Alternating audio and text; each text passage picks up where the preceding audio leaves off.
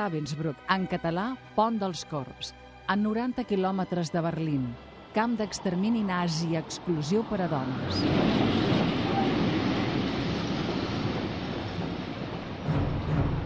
...3 de febrer del 1944. De matinada, en tren de mercaderies, amb vagons on s'apilaven 80 dones i després de 5 dies de trajecte des de França, Neus Català arribava a l'infern.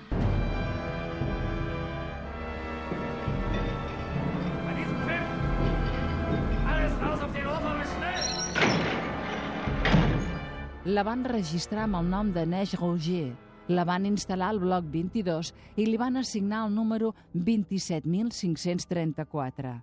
L'horror superava els límits que ella podia imaginar.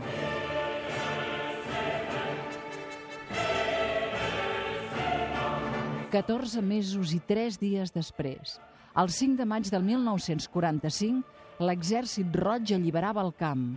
Tenia capacitat per a 3.000 internes. A finals del 1944 n'hi havia més de 80.000. Aquesta és la seva història i no vol deixar que s'oblidi. Neus Català al suplement de Catalunya Ràdio.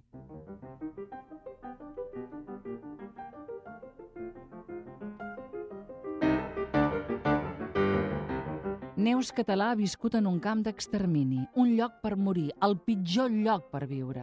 I des que en va sortir, ha dedicat la seva vida a la lluita contra el feixisme i a compilar material i testimonis per aconseguir que les deportades espanyoles tinguessin una cel·la dedicada a la seva memòria. Ho va fer sola durant 30 anys, sense cap ajuda institucional, i ho va aconseguir. Els reconeixements oficials vindrien després. L'any 2005, la Generalitat li va atorgar la Creu de Sant Jordi.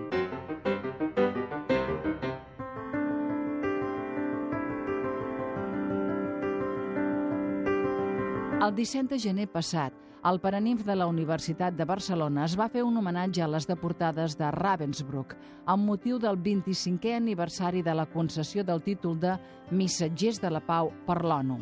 En aquest acte, just abans, vam tenir l'oportunitat de parlar una estona amb Neus Català i avui, 27 de gener, aniversari de l'alliberament del camp d'Auschwitz per l'exèrcit soviètic i Dia Internacional en memòria de les víctimes de l'Holocaust, us oferim aquesta conversa. Neus Català al suplement de Catalunya Ràdio. Amb Sílvia Còpolo. Senyora Neus Català, gràcies de debò per ser avui amb nosaltres a Catalunya Ràdio i al suplement i sobretot gràcies per l'esforç, per la tenacitat eh, que ha tingut durant tots i tots aquests anys perquè nosaltres tinguéssim una memòria viva, una memòria històrica que no hauríem de perdre mai. Abans que res li volia dir. Vostè té molts anys, va néixer l'any 1915. Per vostè ara, quin sentit té llevar-se cada dia i viure? Què vol aconseguir? Quin és l'objectiu? Pues, el que vaig pensar des del primer moment, la pau, la felicitat per la humanitat, la pau ja vol dir contra la guerra, normalment, i la felicitat per tothom. Que desapareixin aquestes desigualtats. Jo no he desitjat mai viure en un palau, els palaus han de ser per, per poble, eh? però que tothom tingui una vida digna. Una vida digna que tingui treball i que pugui instruir-se. La cultura és fonamental per, per avançar als pobles. Sense la cultura no podem anar massa endavant. Llavors jo penso que el treball que ha fet la nostra organització, podem dir perquè són poques escampades, però treballem el que podem, és això, la cultura, i és el que em va guiar a mi de portada, amb totes les companyes del camp de tots els països d'Europa, va ser la cultura i la pau. I... Aquests, aquestes dues coses que eren, eren la cultura i la pau que és és el que s'havia de defensar i, i guanyar per als pobles. I per això van, van lluitar i, i van morir els que van, no van poder tornar.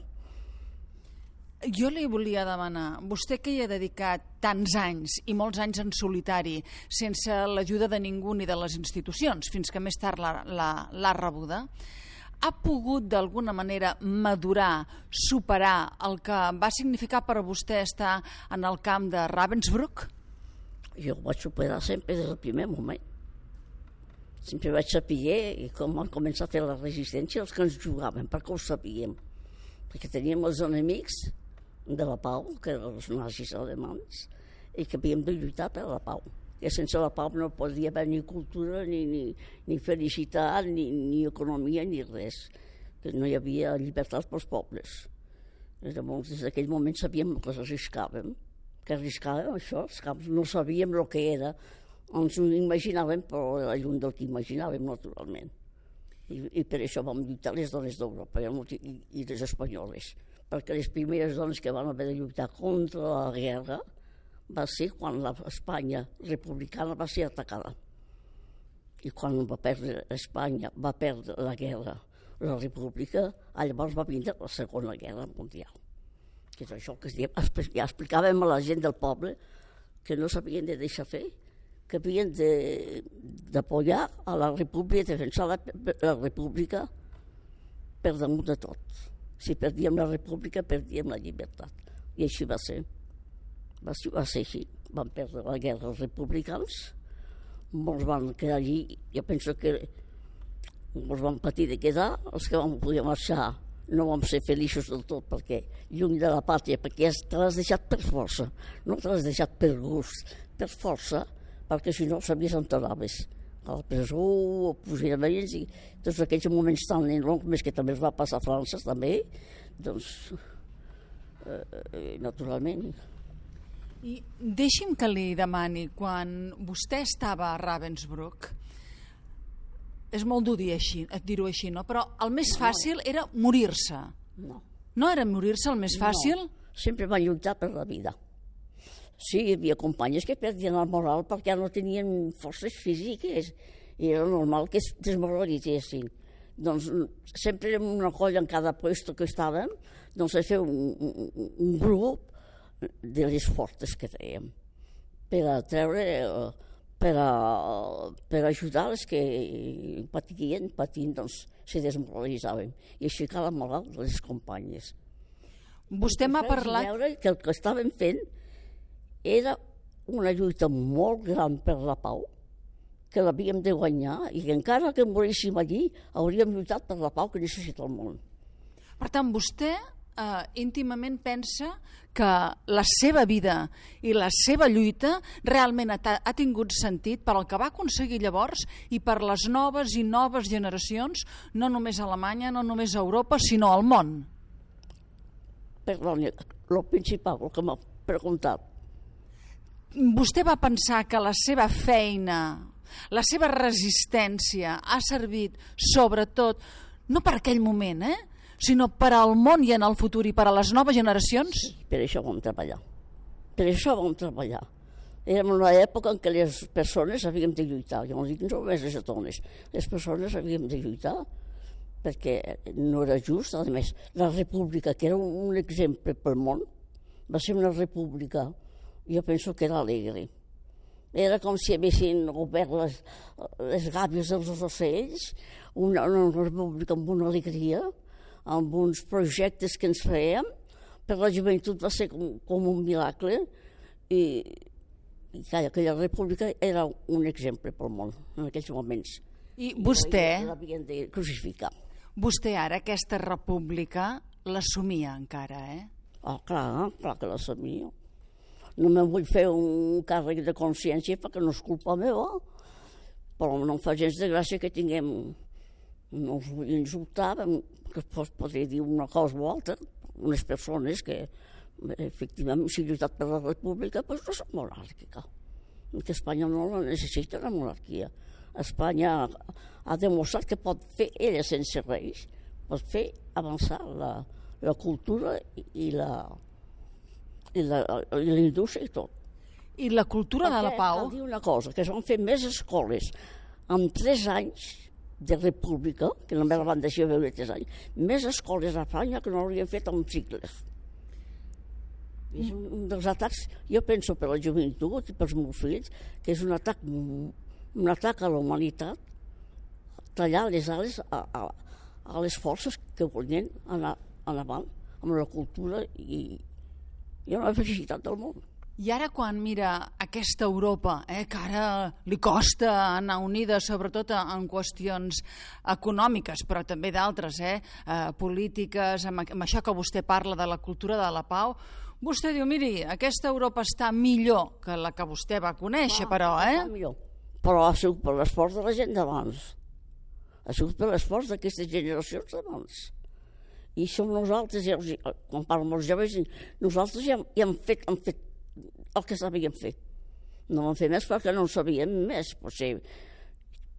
Però ara, les, joventuts d'ara, les coses d'implicar, perquè sou les, les, les joves de present, els joves que teniu espai per poder, per poder, per poder-vos cultivar i per poder desenvolupar les vostres energies, que heu de presentar 20, els que vindran després de vosaltres. La, la, la humanitat avança quan pot fer cultura, quan pot fer justícia social, quan pot avançar per les llibertats, senzillament. Eh, li volia dir una altra cosa. Vostè ha remarcat les dones.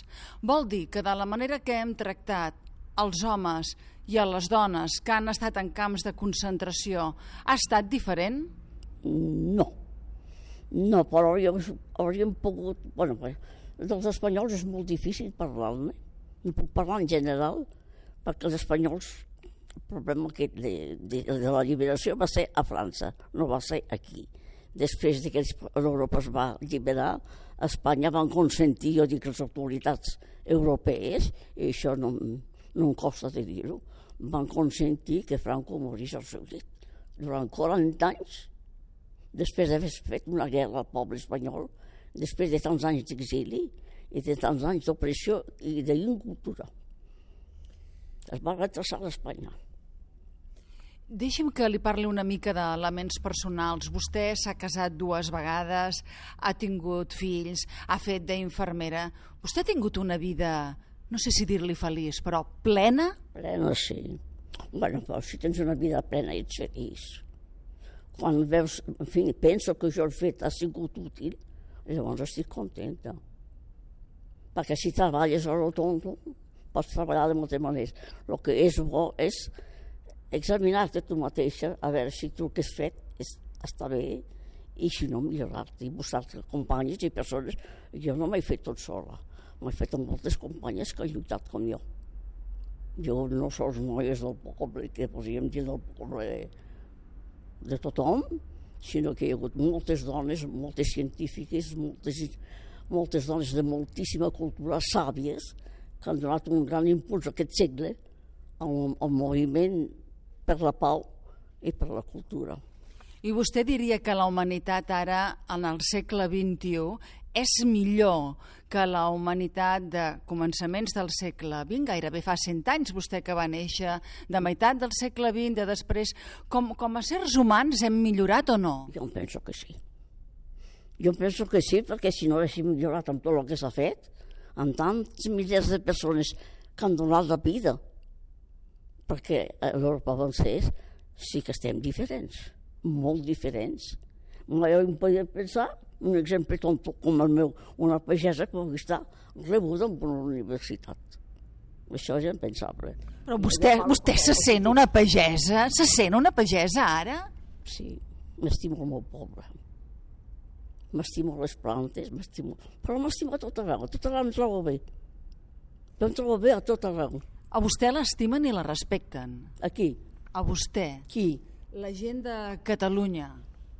La gent d'Espanya. Internacionalment. A tot arreu se m'emporten bé, com els altres companys com jo, que jo personalment solo vaig per aquest món. Me poden conèixer quan fem congressos o reunions, llavors no he trobat mai contrari. Digue'm quines persones han estat claus, eh, clau a la seva vida. moltes. Per començar, els meus pares, que sent de pagesos, un poble petit, no em van negar mai que fes reunions que organitzes amb altres companys i companyes, que organitzes les joventuts. Jo us parlo de molts anys endarrere, encara, encara dels anys 39-40. I això ho feien els homes, però les noies no. Ara jo m'apoyava amb unes noies que els seus pares ja havien sigut, eren socialistes. En aquell temps, que parlo jo, els socialistes eren més que si fossin comunistes, no? En el, en el sentit de, de com, els, com els veia la gent, no? I jo sempre he vist que la joventut, quan pot i si li dona la manera de, de, de buscar un camí, busquen, el troben i continuen. I he, he fet una experiència fa molts anys que parlo d'això, però he, anat, he tingut la sort que m'han acompanyat i tindria que si estem prop d'on van néixer companys, me tinc veneració per companys. Doncs em van portar al poble que va néixer. I vaig veure, per, per aquells vam, vam visitar una mica, havia, hi havia gaires pobles, era, era al camp, no? I a tot arreu que hi havia uns quants arbres, deia, què fan això? Els joves d'allí, sense dir res ningú, jo si ho deuen dir, quan troben un lloc que hi ha uns quants arbres que poden fer una rotonda, ho netegen i queda allò, aquella rotonda al mig, troben, no sé com la poden portar, unes pedres granítiques on hi ha inscripcions de, de paraules que he dit companys. Això allà a Tarrosa, al, al, al terreny que diuen Tarrosa, que és a Lleida. Que és, bueno, que allà va néixer companys. Avui som a la Universitat de Barcelona, aquí majoritàriament hi ve a estudiar gent jove. És a dir, que vostè està amb les persones que està defensant i que, que diu que realment tenen tants valors, els joves. Vostè és jove, eh? té anys, però és molt jove. Com ho ha fet per mantenir aquest esperit d'empenta, d'impuls, d'anar endavant, de crear camins de futur? Hi ha caràcters, pot saber de caràcters o, o, de, de l'ambient que he viscut a casa meva, que eren uns passageros pobres, que no passàvem gana. Jo dic pobre que no teníem riqueses, però vivíem com tothom, com els pagesos viuen. Vivien, ara tothom viu millor que no es vivia abans. Diu, el món no avança sí, perquè com vivíem abans, quan jo era jove, el que vivim ara no té comparació. No té comparació. Però llavors seríem aquesta, almenys els joves que ens implicàvem i que buscàvem que els joves s'impliquessin, és fer que aquest món havia de ser altre. Que aquest món podia ser altre. I que Catalunya tenia aquestes condicions. I que Espanya tenia aquestes condicions. I que la joventut estudiantil era molt, molt, molt avançada. I ara, en aquest moment que estem vivint polític de possible camí, ja ho veurem, cap a una situació que Catalunya pugui tenir un estat propi dins del marc europeu, vostè com ho valora, com s'ho mira, què li jo sembla? Jo molt, però penso que el camí és difícil. Amb els joves, sí, hi trobes facilitats. Jo penso que els joves els hem, els hem de treballar, els hem d'anar a veure, els hem, perquè els joves que deciden s'impliquen volen això. Catalunya és Catalunya, per mi Catalunya és Catalunya. Jo estimulo el resta d'Espanya com el meu país, també com a la meva pàtria. A més em vaig casar amb un castellano puro, eh? un, un hidalgo. Així és que... I els meus fills són francesos, què havia de fer? No els podia, no els podia, no els vaig poder vindre aquí a Espanya amb el règim de Franco tenia la possibilitat, malgrat que vivíem com podíem viure a França, els meus fills han tingut una educació i una cultura diferent que no han tingut aquells temps aquí. I és per això que, que no vaig tornar, per ells. Per què valdrà la pena aixecar-se? Per vostè? Pues per Catalunya. I per la llibertat. Per la independència. Perquè Catalunya és Catalunya, diem el que vulguem ens hem posat dins de la, d'això Pirinaic, estem en aquest terreny, la configuració. Però és la configuració. Català, Catalunya ha sigut Catalunya i per molts segles que, que es parla el català. I si hagués de dir del que està més orgullosa del que ha fet a la seva vida vostè, allò que li atorga més satisfacció íntima, què és? Tot el que van de, amb, amb el camí d'estar de, junts, de culpar gent, de parlar, per, per, per exemple, avui és un viatge per a mi, com si hagués d'anar, no sé què dir-vos, per a mi és una festa major. És una festa molt gran per a mi. Però els altres no ho senten com jo, que soc molt sentimental, però per mi és una bellesa magnífica el, el dia que passa avui. Senyora Neus Català, Moltíssimes gràcies, reitero, pel seu esforç de tota una vida i per aquesta injecció d'optimisme i de força que empenya a les noves generacions a crear un país millor i un món més just. Gràcies de debò. Gràcies a vostès Gràcies. de rebre'ns i- de deixar-me parlar, encara que sigui poca cosa. Que no hagi satisfet el que vostès volien. Està perfecte, digui el que vulgui. Si hagués de demanar alguna cosa, què demanaria? Neus, què demanaria? Jo, la pau. La pau i la justícia social. Que no vol dir matar un ric per acabar amb un poble. Això, això no és revolució, això no és. Que és una justícia social. Que no vol dir que tothom ha de viure en palau, i els palaus es convertiria en cases de cultura, en cases de lloc per als avis, quan es retiren de treballar, en fi, les cases que hi ha no són de destruir, al contrari, que les cases que hi ha pels, pels homes puguin ser millor del que són ara, encara que no poden comparar el que hi ha ara amb el que hi havia abans perquè és completament dis distint i, millor, en els pobles també viu igual, es viu molt millor, en moltes condicions que no es tenien abans. Jo em recordo que quan era petita, ja en tinc vora 100, doncs ja hi ha hagut un... No hem anat endarrere, hem anat endavant. Hem anat endavant i hem tingut avui la sort de conèixer de prop una persona que essencialment és veritat i lluita per les altres. Gràcies de debò. Per tot, hi ha moltes companyes com jo. Moltíssimes, milers de companyes. El que tenim és que les condicions es donen perquè puguem demostrar-nos tot el que podríem fer i que voldríem fer. Però hi ha moltes i moltes dones que no vull dir que siguin superiors als homes, ni molt menys, però que són dignes de ser representar la societat. És l'únic que voldria. És, és una, una de les parts de la llibertat que jo voldria. Gràcies. No sé si li agrada, però és així com ho penso. Avui, Dia Internacional en memòria de les víctimes de l'Holocaust, al suplement hem tingut l'honor de parlar amb Neus Català, amb la nostra admiració. La llibertat és la raó de viure. Diem somiadors d'estudiar.